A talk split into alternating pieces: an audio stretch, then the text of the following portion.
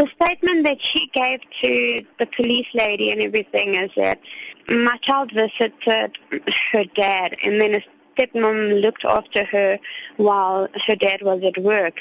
And apparently she was playing with her food and she got angry with her and she pulled her up, gave her a hiding. She doesn't know where she did hit my child and everything.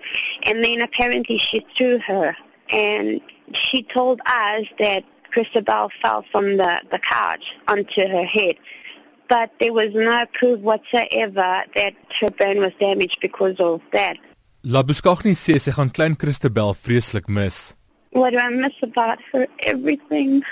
You know, she was a lovely, loving child. She never was like, you know, she wasn't naughty. She would have, if you ask her to do something, she'll do it. She'll, she wasn't, you know, she was such a loving child. She used to put like her hands on my cheeks and say, Mama, I can eat your boy.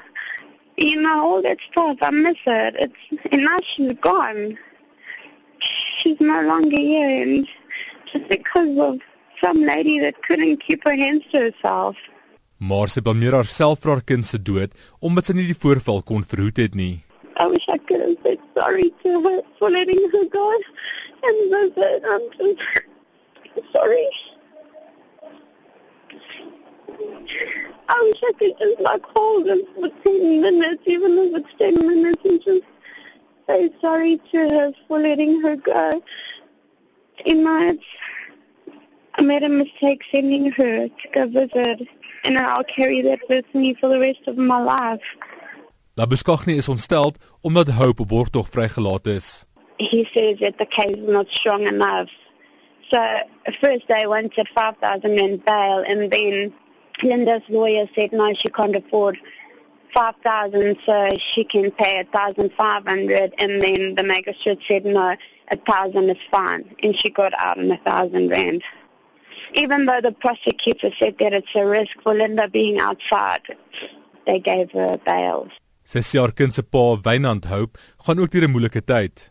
He is busy divorcing her and everything.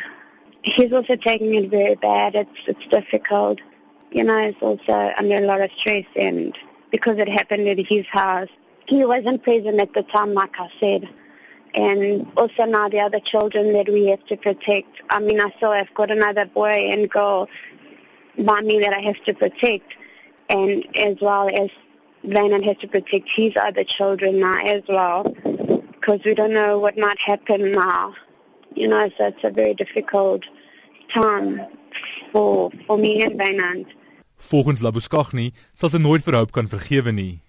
For what she did, hatred, anger. I know that God expects of me to forgive. But I can't forgive someone for murdering your child. Dit was die ma van Christabella Buskagni, Marlene Labuskagni. Christabel is op 6 April in die N17 Hospitaal in Springs dood nadat sy die vorige week erge breinbloeding opgedoen het. Ek is Jock Steenkamp in Johannesburg.